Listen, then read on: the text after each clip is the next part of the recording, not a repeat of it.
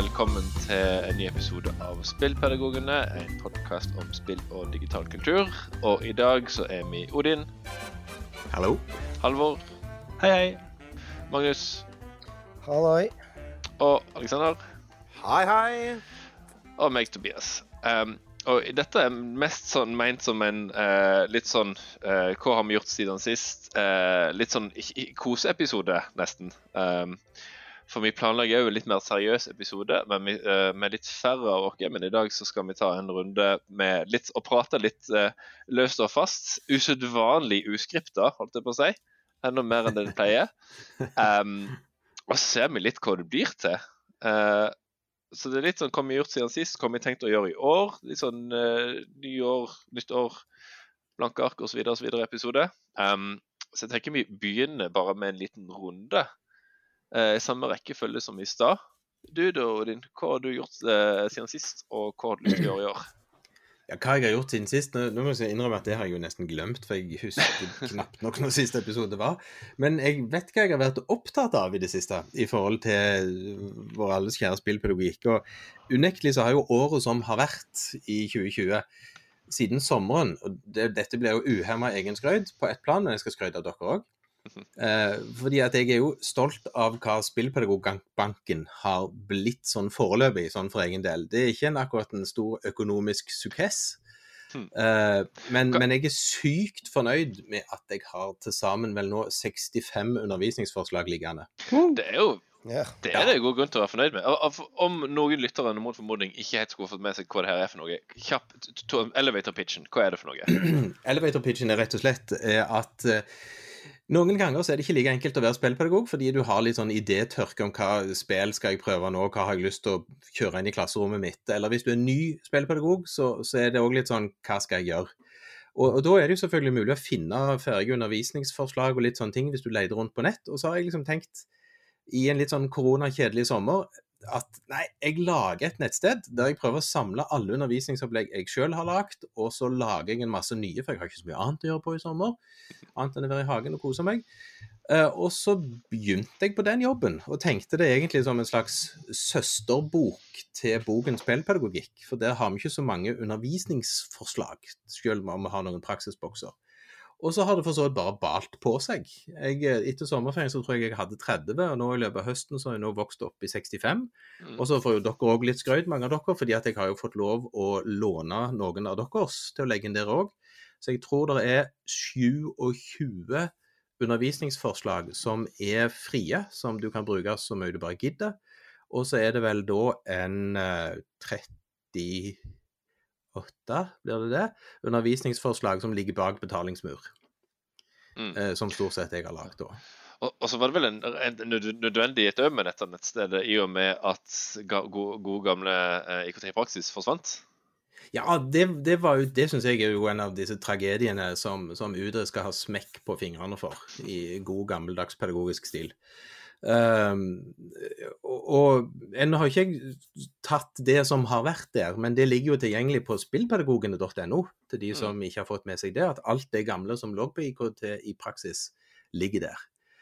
Um, men i den jobben da med å lage alle disse undervisningsforslagene, så, så har jeg jo på en måte oppdaget mye sjøl om hvordan det er å skrive undervisningsopplegg i forhold til spill, sånn litt på samlebånd og litt ut ifra en sånn Nå skal jeg lage et undervisningsopplegg istedenfor å bare være inspirert til å lage det.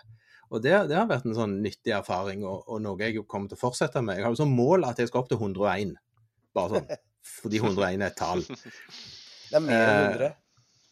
Ja, ja altså, det er liksom det er sånn, det er 101 et eller annet. Høres så intelligent ut. En sånn uoffisiell uh, innslag i den serien 101 ditten og datten. eh, Ja.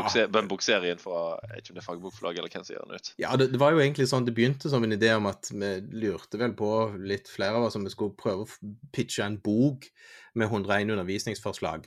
Og så var ja, mottagelsen var sånn jo da, interessant nok, men Og så ble det en del forutsetninger som gjorde at nei, det ble ikke noe av. Og da tenkte jeg ah, jeg bare lager et nettsted istedenfor. Uh, men det som jo, bortsett fra å sitte og skrive på alle disse undervisningsforslagene, da, så har jo da Og det må jeg si, nå blir det jo et jeg kommer til å legge ut om en liten stund. Uh, for et spill som jeg har spilt gjennom, og som var en liten sånn Nesten på linja med Journey i forhold til å sitte og spille. Og det var den uh, Shady Part of Me. Mm. Eh, som var en sånn overraskelsesspill, fordi at det, det har ikke vært noe reklame for det overhodet i forkant. Og så plutselig så er det da et, et fransk eh, spillutviklergjeng som bare slipper dette spillet. Ferdig utvikla til en rekke plattformer og på en rekke språk med både tekst og tale. Og så er det jo et sinnssvakt eh, bra spill, spør du meg. Jeg, Eh, jeg må si litt altså, og det, det fløy altså, Jeg hadde jo aldri opplaget dette spillet om det ikke var for deg, tror jeg. Men jeg må innrømme at, at uh, umiddelbart så appellerte det ikke så voldsomt til deg. Men det, det at, at, at du jeg, snakker såpass høyt om det, gjør jo at det nesten må på, uh, på backloggen min. I hvert fall siden du sammenligner med altså, spillpedagogfavoritten Journey. ja, ja, Så ja. altså det, det, Hva, er greia, holdt på å si? Nei, altså greia, det som, som trigger på en måte, eller litt av konseptet, det er jo, en, det er jo en platt, det er et plattformspill. Eh, der du skal jeg hoppe og gjøre forskjellige ting for å komme deg videre i spillet og unngå forskjellige hindringer. Det er på en måte rammeverket til et spill. så sånn sett, sånn, Som idé så høres det litt sånn tamt ut. Bortsett fra at det er sykt pen grafisk utforming på det i forhold til et slags eh, vannmaleri, tegnegrensesnitt, og musikken er jo helt hinsides, som bare franskmenn kan finne på. Eh, og, og, og så, men, men det er den blandingen der at du, den, du spiller som to forskjellige personer. Man kan ta det som et utgangspunkt. Du, er, du spiller som en skygge, og så spiller du som en liten jente. Og skyggen er denne lille jenta sin skygge. Men de er to helt uavhengige figurer i spillet. Men skyggen kan bare bevege seg i, på skygger, så hun kan bare bevege seg i lys. Og, og hvis du da kommer og blir dekt av en skygge, så bare sier det poff, og så forsvinner du, og så må du spole litt tilbake i spillet. Mens jenta i den virkelige verden, hun er livredd for lys, så hun kan bare gå i skygger.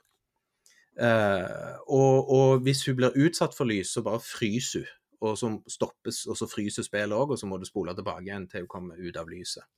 Og så må de to sammen samarbeide, for du kan skifte på hvem av de du spiller som, om å komme seg ut av en bygning eller fantasiverden eller noe i all videste verden de egentlig er inni. Uh, og, og mer enn det er, er nesten spillet vanskelig å beskrive. fordi at Utover det så er det rett og slett mer genialt. Altså Måten de har utnytta hvordan skyggen må bevege seg i forhold til skygger, og hvordan hun i den virkelige verden må manipulere objekter for å lage skygger på veggen, som gjør at skyggen kan komme seg videre, og til slutt at skyggen må begynne å gjøre ting som gjør at jenter i den virkelige verden kan gå forbi andre utfordringer. Det samspillet der er fabelaktig, og, og en progresjon som òg funker. Men, men igjen så er dette bare rammene av et spill. Det som jo trigger meg fullstendig, det er jo selve fortellingen som blir fortalt i spillet. Uh, som jo jeg eh, Jeg fikk, uh, fikk Halvor til å kikke gjennom undervisningsforslaget her, og, og som han sa, det tenderer til svulstig. og det har han for så vidt helt rett i. fordi at det, det som trigga meg i spillet, det var jo for så vidt at jeg er såpass opplest på, på en del psykologi som gjorde at jeg på en måte gjenkjente spillet som en slags spelifisering av uh, det som man kan kalle kompleks PTSD, eller strukturell dissosiasjon. Eh, og da få et spill som på en måte klarer å pakke dette inn i spillmekanikk, Mm. i forhold, og, og, og på en måte presentere det nesten som behandlingsøkter. Eh, For episodene det er det er en prolog, og så er det tre akter, fire akter. Eh, Og så heter de sessions, de ulike episodene i hver Ah. akt. Eh, og så kommer det senere disse to jentene Eller Skyggen den har en voksen damestemme, eller mer en tenåring voksen, mens den lille jenta har en liten jentestemme. Og de snakker sammen, og de misforstår hverandre. De hører det samme, men ved hjelp av noe tanketekst som kommer på ulike steder på veggen, så skjønner du at de hører andre ting enn det som blir sagt.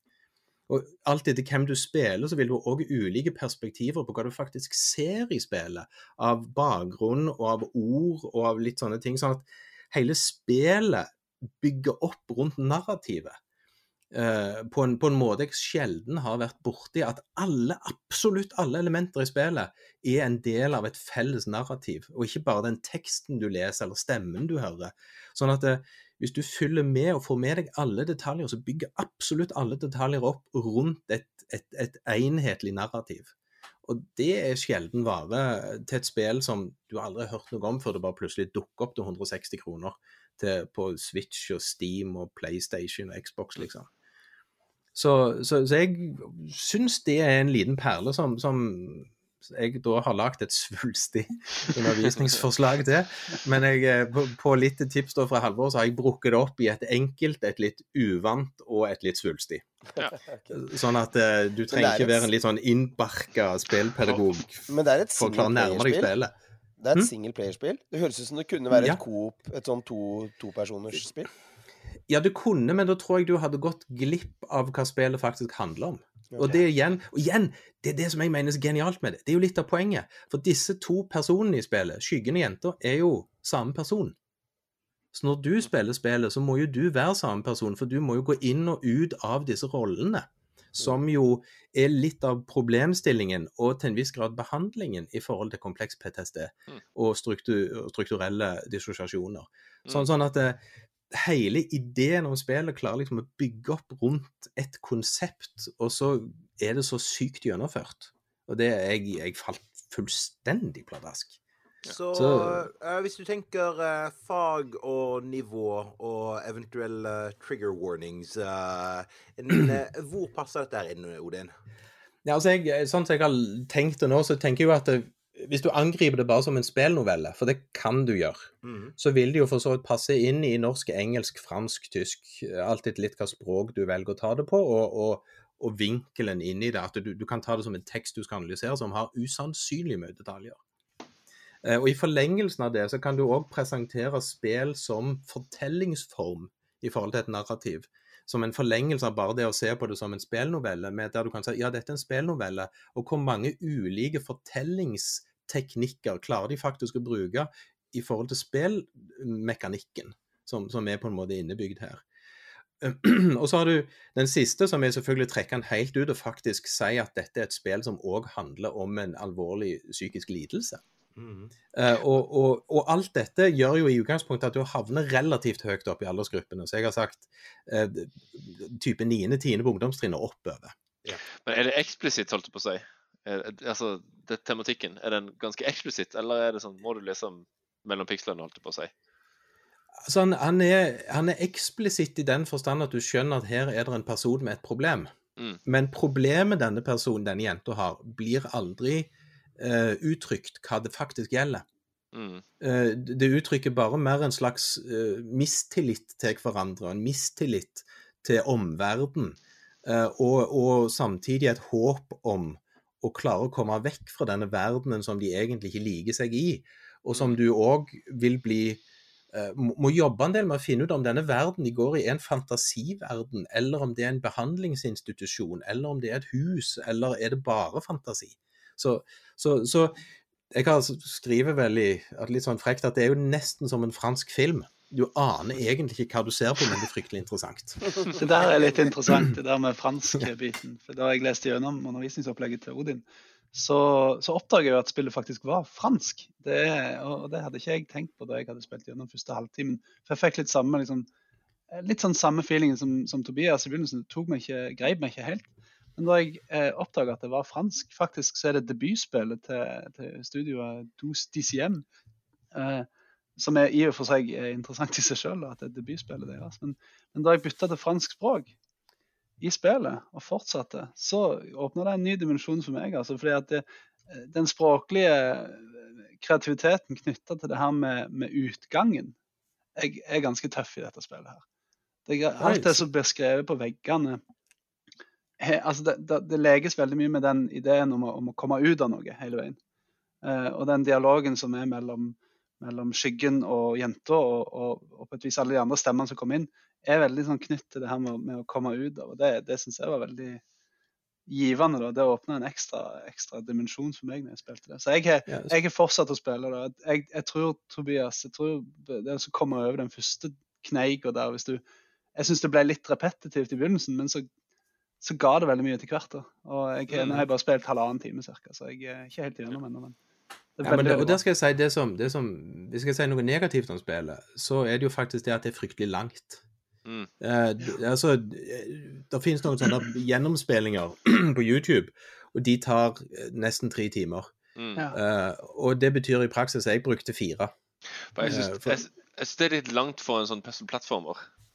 En Ja, sjanger ja, jeg, jeg- jeg ikke er superglad i, for å være ærlig. Nei, for jeg satt faktisk og tenkte når jeg hadde spilt en stund, at jeg begynte å savne en form for progresjon. Altså, jeg, jeg lurte hele Mm. tiden på hva er det som har skjedd med skyggende jenter. Mm. Altså, eh, og, og på en måte, jeg skjønte jo at jeg nærmer meg noe, men, men det ble litt langt. Så, så undervisningsforslaget det for så vidt er tatt med utgangspunkt i at du kan spille prologen og akt 1, som Mm. er cirka en, rundt en klokketime. For du vil få med deg såpass mye av, av ideen bak spillet, og denne behandlerstemmen, mannsstemmen som dukker opp, den, den har òg dukket opp inn, innen den tid, som, som på en måte òg utvider dimensjonene i, i selve spillet. Mm. Så, så det spillet har jeg kost meg med, for å si det sånn, og skrytt hemningsløst av, Ja. og lagd et langt undervisningsforslag til. Ja. Et, et svulstig et. Jeg, jeg, jeg pleier jo vanligvis like å spille når du anbefaler, Odin, så jeg tror jeg må gi deg en sjanse. Altså, ja, og det er jo igjen, jeg, jeg har jo oppdaget og tilfeldig, og det kommer jeg sikkert til å gjøre mer av nå framover, jeg oppdaget en, en YouTube-kanal som tar for seg nye indie-spill som kommer. Og der syns jeg det var så mye sykt spennende. Det er jo, det er en helt annen kvalitet på indie-spiller nå fremover enn det som egentlig har vært før, så det er jo kjempespennende. Mm. eh, Hvordan en del nå angriper det å lage et spill, og at du får alternative spill med alternative måter å nærme seg ideen spill på Mm. Som, som jeg har jo lyst til å trekke inn i en episode nok vi kommer til å ha her i Spillpedagogene om, om lærerens profesjonsforståelse og dataspill. Ja. Ja, så, Så Nå har jeg snakket massevis om hva jeg har gjort her, så hvis, få, hvis alle skal få lov til å snakke like lenge som meg, så har vi et problem.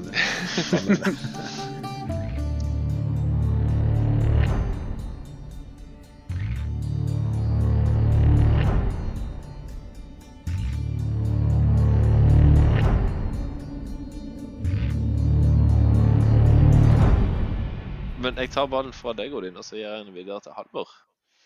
Ja, jeg har spilt et spill som heter Shady Part of Me. Har dere hørt om det? Veldig bra. Nei, um, ja. Jeg uh, nettopp begynt på jobb igjen eh, etter, etter nyttår. Skulle, hadde jobba masse med et opplegg i lag med en historielærer på huset her.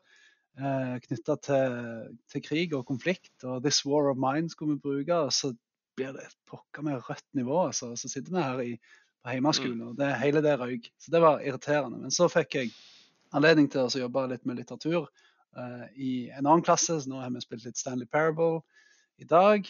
Uh, så det, det, var, det veide litt opp for, for det, da. Ja. Um, men ja, jeg har spilt noen gode spill. Uh, eller ett et godt spill, og ett som dessverre, for min del i hvert fall, ble litt skuffende.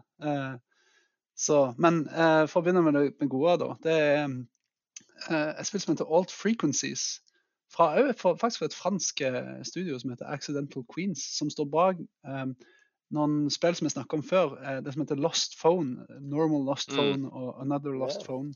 Det er der der de Mm. på en måte emulerer det her med helt sånn dagligdagse ting, og så går du inn og er en slags eh, lytter eller kikker inn i andre verdener. Da. Her har de, de lagd et spill som heter Alt Frequencies, som handler om et slags ei, ei gåt, ei, ei mysteriespill som handler om å, om å bruke en Du har en litt sånn spesiell radio som du kan bruke, som du kan spole fram og tilbake i å ta opp lyd og sende inn lyd til ulike kanaler for å få historien til å gå videre og liksom avsløre en litt sånn stor greie som er i ferd med å skje. da.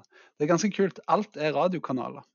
Og så, og så blar du i radiokanalene, og så finner du den informasjonen du trenger, og så tar du opp noe. Og så flytter du den, det oppdraget ditt over til en annen radiokanal, og så, og så skjer det ting i historien. Det er ganske kult. Jeg likte at det var så innovativt. da på et vis. Det er en veldig spenstig måte å, å, å lage gren brukergrensesnitt, tenker jeg. Og på en måte emulere en eller annen, et annet art, artefakt, altså en gjenstand, radio eller mobiltelefon eller hva det er for noe. Det, altså det tenker jeg jo er, er- Bare for å stjele sporet ditt, eh, litt, Mm, mm. eh, Halvor. Jeg, jeg har, har, har hatt et samarbeidsopplegg med eh, franskdidaktikere på Universitetet i Bergen, som lager et, kurs for um, lærere som vil få undervis ekstrautdanningskurs for lærere som vil ha undervisningskompetanse i, i fransk. Og, og da er dataspill blitt en, en del av de greiene når jeg har vært inne og vært sånn konsulent på, selv om jeg ikke er fransklærer. Så. Og da er Normal Lost Phone faktisk et spill som vi har spilt. Um, Ja. For jeg leter litt etter spill som var enkle nok til at, til at ikke-gamere får komme i gang med det. Og det slo, Jeg viste det i en håndfull forskjellige spill, men Normal Lost Phone var det som langt på vei slo best an. Ja. Um, og det tror jeg ikke er ut, uten grunn. altså Det tipper jeg er pga. grensesnittet. At det faktisk er lagd som Det er jo egentlig bedre på mobilt, syns jeg, enn på PC. Mm, det spillet der, fordi at, ja. A Normal Lost Phone yeah. funker jo veldig bra på Switch. Jeg vet ikke om jeg sa det Ja. sist. vi hadde det. det, det Der kan du bare, og det, det fun, det, Dette funker veldig bra der, for at du, du har på et vis det- Du jobber med, med switchen som om det var en radio. På samme måte som du kunne snu switchen sist og bruke det som en litt stor mobiltelefon. Mm. Så ja, veldig, veldig kult. Mm. Eh, og så ble jeg litt skuffa, dessverre. Ja, fordi Og så håpte jeg jeg skulle være uenig med Odin om, eh, om det fine, fine spillet, norskutvikla spillet Røki fra Polygon Treehouse. Og, og jeg hadde sånn forhåpninger til det etter å ha spilt liksom I fjor spilte jeg Helheim Hassel og Embracelet. Flotte, gode spill utvikla i Norge. Og så, og så var ikke Røki så veldig bra, rett og slett. Så jeg trenger ikke si så mye mer om det. Bare jeg følte jeg måtte si at det, det, var, det var ikke helt den store spilleopplevelsen. Så. Men, men jeg ser det for, jeg ser det for mye skreid rundt forbi, så andre liker det. Og, og heldigvis, så, som vi sier her i, i Sør-Rogaland, jeg sitter ikke med hele vedet. Så, så for all del, det var bare ikke for meg. Ja, men jeg, det, bare for å si det siden jeg sa det til deg, at jeg, jeg, lik, jeg likte det ikke. Og jeg prøvde det jo på junior òg, og liksom du, kom, kom her, vær med og spill dette spillet. Sy- Syns du det er noe etter å ha spilt det? Nei, han likte det heller ikke. Og, og, og, og det er liksom, for jeg òg ville like det når jeg spilte det, for det så bra ut, og historien kunne vært god. Eller det kan være noe bra, eh, hvis du hadde holdt ut. Mm. Eh, men, men så klapper liksom spillmekanikken, og spesielt lyd og stemme, er det sånn på en måte dreper hele spillopplevelsen. Og jeg, og jeg får være helt ærlig, for jeg har hele vedet av og til, eh, skjønner jo ikke hvorfor det får god omtale. Jeg, jeg, altså, om det, om det er beregnet på en enda lavere aldersgruppe, eh, altså, Ja, kanskje. jeg vet ikke. Altså, det, det har, bare for å Jeg vet ikke hvor mye ved det dere har, fordi at på Steam akkurat nå så er det altså eh, 94% av 476 bru eh, brukere som har gitt en positiv omtale. Jeg fatter det ikke. Så dere, bra- dere er bare for kresne. Bra for deg. Bra for deg. Ja. Applauderer det. Så Jeg har ikke spilt det, så jeg skal ikke si noe. ignorer de her surmaga kommentarene som gamle menn. flere av oss må prøve det, får vi se om vi får noe dis diskrepans i gruppa. To av seks spillpedagoger anbefaler ikke Nei. Yes, det var min, eh, min, min eh, lille del. Magnus, hva med deg? Ja, jeg har, eh, jeg har hatt en jul med litt spillplaner som eh, jeg ikke har fått til. Sånn, sånn som det å si pleier å være, det med småbarnsfarrollen. Men før jul så begynte jeg å spille Nå er det så mye snakk om indie-spill her. Jeg begynte å spille et trippel A-spill. Eh, nemlig Assassin's Creed da, da, da, Odyssey.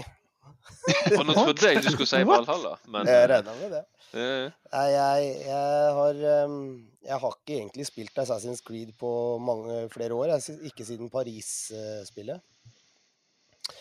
Men Odyssey hadde jeg liksom lyst til å spille, men, eh, men ja. Nei, jeg har travle år for tida, så det har liksom ikke blitt noe av det. mm. Så, men men nå var det veldig gøy å begynne med det. Altså, det, var, det har utvikla seg litt òg. Assassin's Creed eh, var lenge veldig likt i mekanikken, men nå er det liksom litt annerledes. Litt vanskeligere, eh, det- selve sånn kampscener og sånn. Og, og, og, ehm, og så gjør jeg altså det som, noe som jeg syns er veldig gøy å gjøre med den typen spill, eller når liksom anledningen byr seg, nemlig at jeg samtidig gjør, gjør noe annet. Og, nå hører jeg på lydbok om gresk mytologi. Mm. Og eh, den derre Stephen Fry som forteller meg om uh, mytos.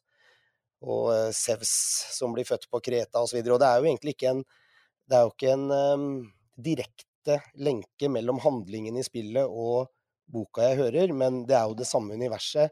Og, og plutselig så, så krasjer de på en sånn fin måte da at, at eh, det ene handler om noe som det andre etterpå handla om og sånn. Så, så det er veldig fint, og det kan jeg anbefale som en utvida en utvida spillopplevelse. Og liksom eh, å finne et annet medium hvor du kan, eh, kan få en annen tilnærming til noe som ligner. Samtidig, det, det syns jeg er ganske kult. Mm. Og ellers hadde jeg litt lyst til å fortelle om, eh, fortelle om det jeg har spilt i jula, som er sammen med sønnen min. Fireåringen min, som snart er fem. Og han, eh, det er en veldig spennende alder, for da begynner ting å funke spillmessig. Nå nå har jeg vært veldig snill når vi har kjørt Mario Kart i et uh, halvannet års tid.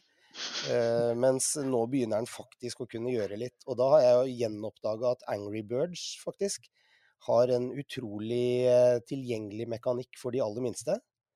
Det skjønner han, og det skjønner han bedre og bedre. Og det er nesten så eh, kystartilleristen i meg begynner å fortelle henne om eh, innfallsvinkel og utfallsvinkel når du skyter med kanon, for det, Mm. det har han begynt å forstå med spretterten der. Det er veldig kult. Og så, og så spilte vi også et annet som, som Altså, vi har også en sånn uh, Angry Birds er jo på pad, uh, men, men vi har også en sånn liten sånn retro joystick som inneholder en håndfull gamle Namco-spill, blant annet Pac-Man og Space Invaders og sånne ting. Og der har han falt for det spillet som, eh, som heter Bosconian, som er fra 1981. Som er et sånt romfartsspill da, hvor du flyr rundt og skyter. Du skal skyte på rombaser, og, og så kommer det sånne fienderomskip og, og aliens mot deg som du må skyte i tide. Så det er en sånn timing, timing i et sånn gammelt romfartsspill. Men det jeg syns er veldig kult med det, og som, jeg, en måte, som, som slår meg, eh, som jeg for så vidt vet, men som slår meg, det er at når min fireåring spiller et spill fra 1981, så er det jo som om jeg skulle ta opp og leke med en leke fra 1940. Ikke sant? Den der histo- spillhistoriedimensjonen liksom velter over meg, og så syns jeg bare det er så utrolig flott at han spiller sånne eldgamle greier for han, da. Eh, ja. Nei, så det, det var min lille, min lille refleksjon. så det har vi kost oss mye med i jula. Mm. Det er stilig. Rett og slett stilig. Ja, det er Og så er det liksom vi, eh, dette nye mediet, liksom. Vi, vi, vi kan jo fortsatt i årevis sikkert framover ennå snakke om spill som noe nytt. Uh, og, og mange vil forholde seg til spill som noe nytt, og så er det så gammelt. Måte. Ja, ja, det er jo faktisk det. Mediet, ikke sant? Ja. Så, Altså, jeg, jeg husker jo at jeg har jo spilt spill, bevisst dataspill, at jeg vet jeg har spilt dataspill i 42 år. Eh, som jo selvfølgelig forteller hvor gammel jeg er. Men, uh, ja, men, men, men jo, altså det det er noe med, med en på en måte sånn, så det er jo ikke akkurat en nyhet. Altså, jeg har jo spilt spill før Altså, videoen er jo nyere enn dataspill. Mm. Mm. Altså videokassetten, hvis du kan si det sånn. Eh, så, så det å på en måte se film hjemme er en nyere oppfinnelse enn det å spille dataspill hjemme. Mm. Det setter jo ting- litt ting i perspektiv, holdt på å si. Når du legger det på den måten. Ja. Og det første Mm. man gjorde med, med datamaskiner, omtrent det første man gjorde, var å begynne å leke med dem. Ikke sant?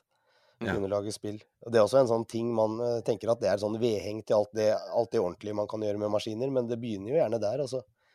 Mm. Og så kommer funksjonalitet fra spill over i andre Ja, domener. men tror du det er unikt for spillmedier, da? Jeg eh, nå, eh, nå skal ikke jeg påberope meg noe dypere kunnskap i, i vår eldre historie, men at jeg vil jo anta at uh, ja, når de første skriftspråkene ble utvikla, at uh, Altså, det var sikkert like gøy å skrive banneord, da, som det er Nei, altså, altså, uh, altså eh, Nå i forbindelse med disse her eh, nye utgravingene av hva er det-? Altså, eh, altså, altså Pompeii. Eh, alle disse her eh, taggingene og eh, dirty pictures eh, Mm. som de eh, eh, som dukker opp. At eh, ja, at eh, Altså, de fleste sånn nyvinninger av eh, eh, Ja, ting som muliggjør fortellinger. At eh, det blir eh, Ja, det er nok mye lek og tull og tøys. Helt fra eh, helt fra opprinnelsen, uavhengig om det er spill eller det er noveller eller film eller hva det er vi snakker om. Mm.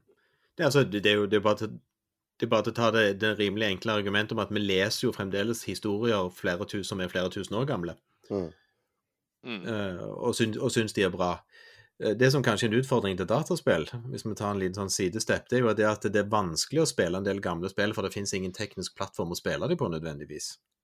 Mm. Altså, da må de emuleres og, og den typen ting. Så, så en del spill vil jo forsvinne i, i, i teknologiens historie, fordi teknologien til å spille det ikke fins lenger. Mm. Det er sant. Og, og, og sånne databasebaserte spill også, som må, som må opprettholdes og holdes på nett. Det er vel en del sånne online RPG-er som, som begynner å bli borte fordi at uh, ingen server dem lenger, og da fins de på en måte Mm. ikke lenger. Mm. Og alle disse nettsidene uh, som poster gamle ROM-filer, eh, blir jo jakta ned av om det er Nintendo eller hvem det måtte være. Som, altså, Ja. De blir jo aktivt tatt ned. Mm. Ja. Så ja, spillhistorie, det er spillfeltet er- mener jeg kanskje det som er dårligst til å vare på historien si. Ja. Sammenlignet med litteratur, der uh, al altså, Tenk på hvor mange gratis bøker du kan laste ned på Kindle, f.eks. Bare fordi at opphavspersonen eh, har vært død så så, og så lenge. Mm. Mm. Mm. Eh, lovlig, til og med. Ja. Mm.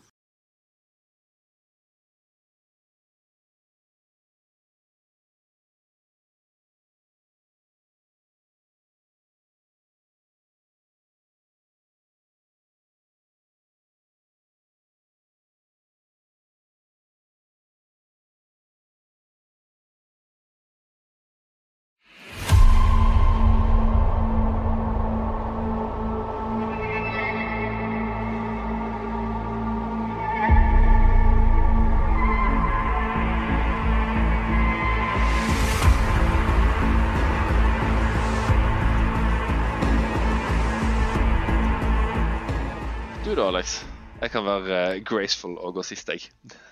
Ja, nei ehm, Jeg kan jo snakke litt hva jeg har spilt i eh, julen først, da. Jeg har spilt syv runder med Monopol uh, i løpet av juleferien. Jeg skal prøve å holde maska. Ja, nei, men altså, det var, det var riktig fornøyelig, det. De eh, to første gangene. Uh, Alex? Uh, ja. Uh, men Nei, eh, ingenting. Eh, altså, eh, ja, sånn, sånn, sånn, Tobias skal få lov til å kommentere litt hva han synes om Monopol etterpå. Jeg synes at Monopol er et helt herlig spill. Jeg har uh, Monopol eh, er et torturredskap. Det Jeg sa du kan få kommentere etterpå, Tobias. Men nå vil jeg bare få lov til å uh, snakke litt ferdig. Og, uh, jeg, og noe av grunnen til at jeg er så glad i Monopol, det er jo eh, nostalgifaktoren. Sant? Dette er sånn som jeg husker å spilte masse med pappa. Når, eh, eh, spesielt da i, da i påskeferier og sommerferier, når vi er på hytten. Nå i år så fikk jo da min datter Hedda, som nå er blitt ti år, hun fikk sitt monopolspill. Og hun, hun elsker monopol. Det virkelig elsker, elsker monopol. Eh, og jeg trodde jeg var glad i monopol. Og som sagt, jeg var jo glad i monopol disse første to rundene. Men uh, ja, hva vi gjør for våre barn, altså. Det Men ja. Uh, jeg, vet, ikke- vet ikke om jeg hadde noe eh, videre poeng med denne anekdoten, i alle fall. Uten, uh, utover å bare klappe meg sjøl på hodet for, for en fantastisk oppofrende far jeg er. Som uh, Men du, én ting man må si om brettspill generelt, men kanskje særlig Monopol, som er veldig flott, og som er vanskelig for dataspillere, det er jo å jenke regler og tulle og tøyse litt. For det er så lett når du har et brett og et regelsett og penger og hus og hoteller, å bare lage en ny regel om at det er f.eks. lov å låne penger mot så og så mye rente, eller det er lov å bygge to hoteller, eller det er lov Ikke sant? Det, det er en ting jeg av og til savner ved dataspill, at, at Mm. man kan leke med det på den måten. Og det har jo Monopol og det like. Brettspill er veldig lett å patche. Ja, patch, ja, Sånn ikke sant? ja. Mm. Ja, men, men uh, det er jo bare å si at sånn for Monopol sin del, det er jo en eh, Muligheten til å patche, det er en bug heller enn en feature. For det uh, Altså, det uh, Sånn som jeg har opplevd det, i alle fall, enhver patch man gjør til Monopol, det er patcher som på ulike måter drar spillet lenger ut i tid. F.eks. at man skal få dobbelt med penger for å lande på start, eller at man skal sette alle disse her pengene fra sjansekort midt på brettet, sånn at man får de tilbake. sant? Det er eh, Altså eh, De fleste sånne Ja. uh, patcher eller mods til Monopol som jeg har vært borti, som jeg tidligere har syntes å ja, det gjør spillet bare lenger, og det er jo kjempegøy. Eh, der vil jeg ende opp med denne her uh, monopolpraten min, i alle fall. Uh, og dette var først og fremst retta mot deg, Tobias. Jeg, jeg begynner å være enig med deg. At sånn monopol, selv om Altså- jeg har alle disse nostalgiske greiene til det, det er kanskje ikke så bra som jeg alltid har tenkt.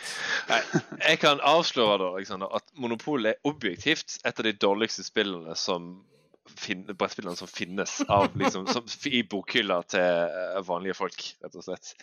Det er, og det er, jeg skal forklare hvorfor. Det er av to ting. For det første så er det ikke noen spill jeg kommer på som er så gøy å vinne i, men så kjipe å tape i. Altså Gode spill, da er det gjerne veldig gøy å vinne, og så skal det ikke være så kjipt eh, å tape. Altså Det skal ikke være et skal, det skal ikke være et nullsumspill, liksom. Aller helst, tenker jeg. Det andre er at det er, det er en strategi som kan ødelegge vennskap i Monopol. Som jeg har bare lest om, aldri gjennomført, for det eh, å spille Monopolet er mot min, min filosofiske overbevisning. Eh, men det er altså å bare bygge hus, men aldri kjøpe hotell. Fordi at etter hvert så går det tomt for hus i kassa, eh, og da kan ikke de andre bygge hus, fordi at du har bygd alle husene. Så det å bygge hotell er da en ikke god strategi, for da Oh, wow. blir det flere, flere sånne Ja, men, men, husminiatyrer. men, det er da, men det er da du patcher med noen legobrikker. Nei, nei, nei. Aktivt mot Nei da. Nei, jeg er ikke så veldig glad i Monopol. Eh, for øvrig heller ikke så veldig glad i Risk. Men kan jeg få fortelle om min favorittpatch på Monopol? Ja. Eh, Ja. Før vi forlater dette utemaet. Eh, for det er jo min, min samboer som har eh, introdusert meg for eh, patchen Pokémon. Som er da monopol, men med jevne mellomrom så legger du bort brettet, og så spiller du poker med monopolpoengene, og så fortsetter du etterpå. OK, det hadde jeg faktisk vært med på. Det er en sånn dark horse. Da, da er det ikke så lett å forutsi spillet lenger. Ja, det hadde jeg faktisk vært med på. Men eh, det, altså, nå, det, det er jo da et flekknytt monopolspill som Natta nå har fått. Uh, men uh, jeg Altså uh, fra jeg vet ikke om det er Hasbro eller Parker Bros eller hvem det er som, som lager dette spillet. En, en nyvinning, da. Det, altså, det var at jeg savna kanskje det viktigste kortet eh, i Monopol. Det var ingen ditt, Dine hus og hoteller brenner-kort. Så der har det kanskje funnet ut fra en produsentside at uh, det får da være grenser for uh, Altså, hvor mange lykkelige Deres- familiestunder vi skal ødelegge. Deres hus hoteller brenner er det verste liksom, spilldesignvalget som noensinne er gjort. Men, men i så fall så har du da fiksa det, da. Ja, det er, Så for å det er si litt noe som pent om. Polish a turd, sier jeg bare. Men den strømregningkortet er igjen, eller? Nei, du må Eh, skifte ut elektrisitet. Det er noen sånne strømgreier som ja, er veldig dyrt også. Uh, altså, vi har både gata asfalteres, og så er det et eller annet med noe utskifting av strømanlegg. eh, betal X per hus og Y per hotell. Men nok om, nok om monopol. Det, bare for å si litt om sånne andre gøye ting også, så eh, nå i posten Nå holder jeg oppe en liten uh, prop her. Så fikk jeg uh, en bok i posten. Det er da The Digital Classroom, som er skrevet av Ann Michaelsen. Hvor jeg og Tobias har skrevet kapittel syv, da. Så, som da handler om, ikke overraskende, spill i skolen. Så ja.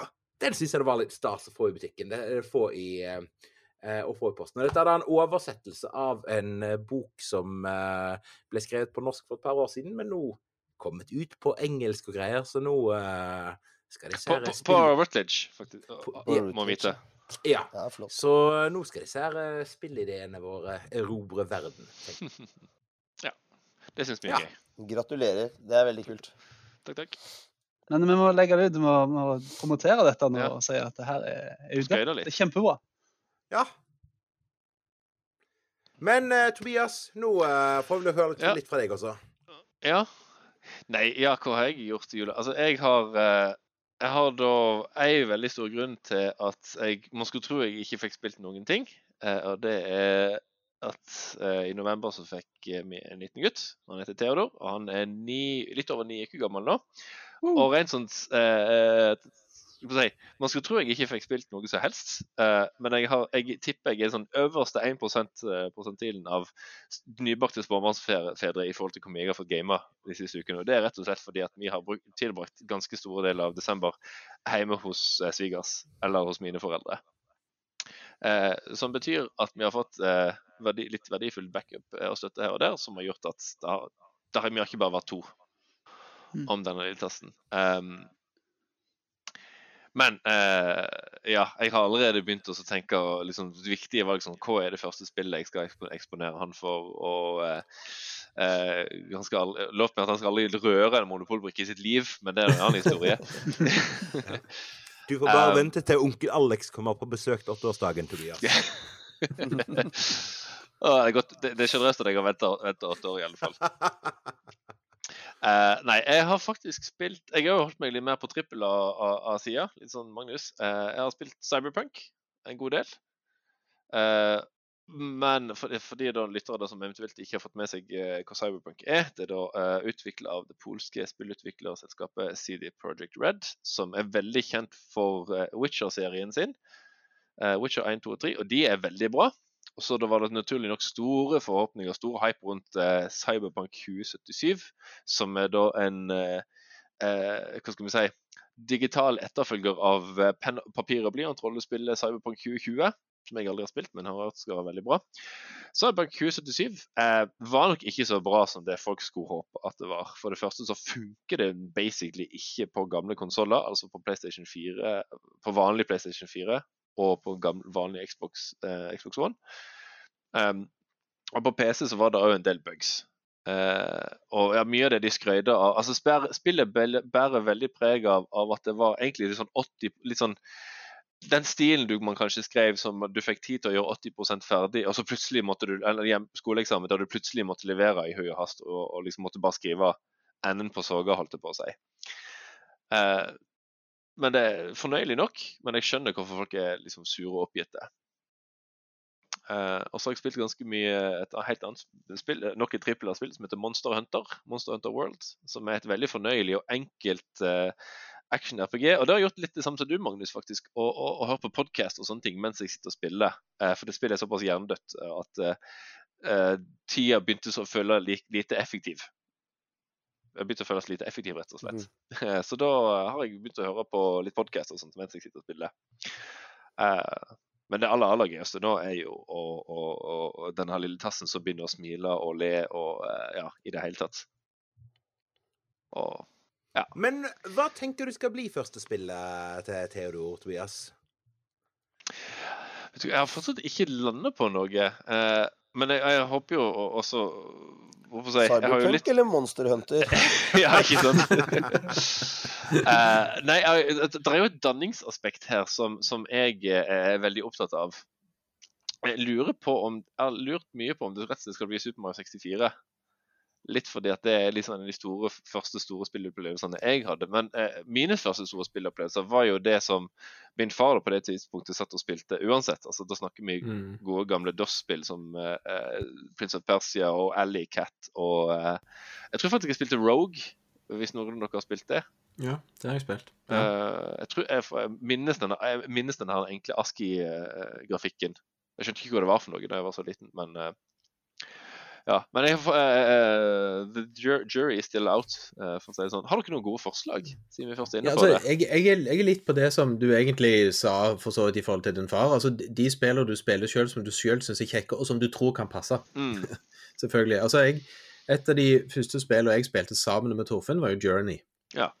Uh, og da var han vel så vidt fylt fem år. Skal ikke vente i fem år før du gjør han et spill. Jeg mener, Fantorangen er jo glimrende. Fantorangen Nei, altså, han, han syns ikke så mye om de sånn i utgangspunktet. Så, så, men det er derfor jeg tenkte det å spille sammen med han Anders jeg, nå, skal jeg, nå skal jeg være helt ærlig og si at jeg husker jo ikke. Men altså igjen, uh, som jeg har nevnt tidligere, jeg kjenner han jo ikke fra før han var to år. Uh, så, og de tre år der kan jeg ikke huske at vi har spilt noe sånt bestemt. Så det første spillspillet, det Mm. var jo faktisk Journey. mm. Eh, og det, og det funker, Jeg tror det hadde funka før fem år òg, for å si det sånn.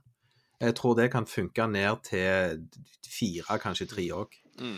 Ole Eh, Ikke det at de nødvendigvis er med å spille sjøl, men, men at de kan være med i selve spillopplevelsen, i den visuelle opplevelsen. Ja.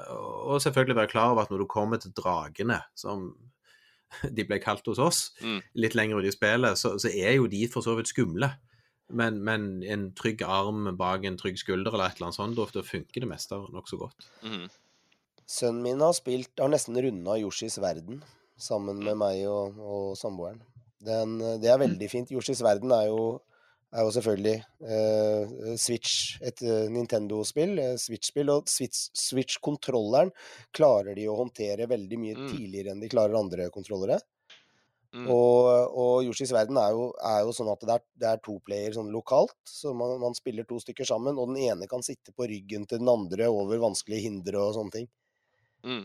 Eh, det har fungert ganske bra, altså, men, men ja. Det, det er jo litt vanskelig likevel, faktisk. Men, men eh, det har vi spilt veldig mye.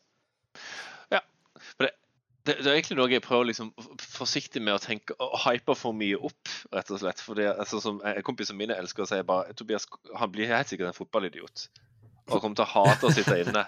Og, og, og den Warhammer-figuren din kan du bare kaste. For det kommer ikke han til å gidde å Uh, Så jeg skal, det, det- det skal jo ikke altså, Man må ikke pushe for, uh, de til Norge heller, for det er jo ikke Ja, nei, men en, en annen variant er jo rett og slett en, en annen variant er jo rett og slett å la han være med og se på hva du spiller. Det blir jo Så sikkert det. så sant han kan være med og se på det du spiller, da. Mm. Altså, det kommer litt an på hva du spiller.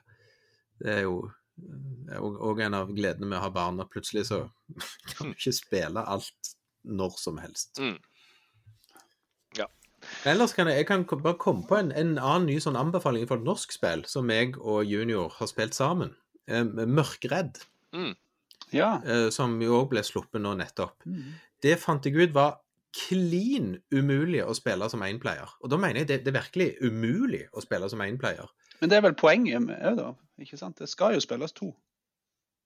Ja, men det selges jo som en énplayerspill òg, og da er det jo klin umulig å spille. Ja. Ja. Men, men jeg er helt enig, altså som toplayerspill så er det kjempegøy. Mm. Og funker som en kule, og det finnes vel foreløpig bare til Windows, og burde eksistert på Switch. Switch hadde jo vært en fantastisk plattform å spille til spillet på, med to kontrollere. Mm. Uh, men, men, men som, to, så, som, som samspilling på samme datamaskin var det et fantastisk spill. Det var kjempegøy. Mm. Og det hadde litt denne gamle gammelspill-feelingen. Det er nådeløst hvis du gjør feil. Mm. Altså, det er lett å gjøre feil, og da dør du. Men så får du komme altså, Så får du prøve om igjen og om igjen og om igjen. om igjen. Og, og spesielt hvis du er to stykker, da, så blir det jo litt krangling om hvem som passer på å havne at du, Trikset er at du må aldri havne i skyggen i det spillet. Mm. Jeg er veldig glad i skygger for tida, jeg.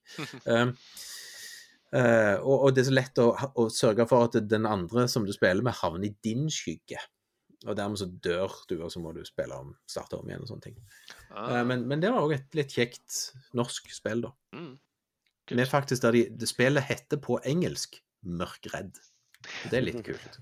Det er litt tøft. Det må det jeg, jeg, lurer, jeg er så nysgjerrig på helt total uh, sidespor. Jeg lurer på hva det gjør for liksom, sånn promotering og, og, og, og, og sånne ting av spillet. Altså, er det jo rart for folk? Er det litt eksotisk? Jeg lurer på hvordan ikke-norsktalende spillere liksom oppfatter den type titler. Ja. Ja, det var, det var spennende spurt om det samme gjelder jo til en viss grad Draugen. Mm. Ja. Draugen. Ja. Mork Draugen. Morkred. Morkred. Mork Ja. det, al- al- altså, n- eh, det høres jo skummelt ut på engelsk også. Ja, det gjør det, Det, Ja. Ja, sant?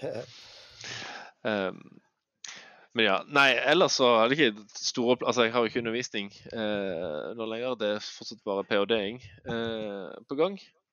Og ja Jeg har ikke så veldig store planer når det gjelder det. Eh, Annet enn å bare fortsette å jobbe.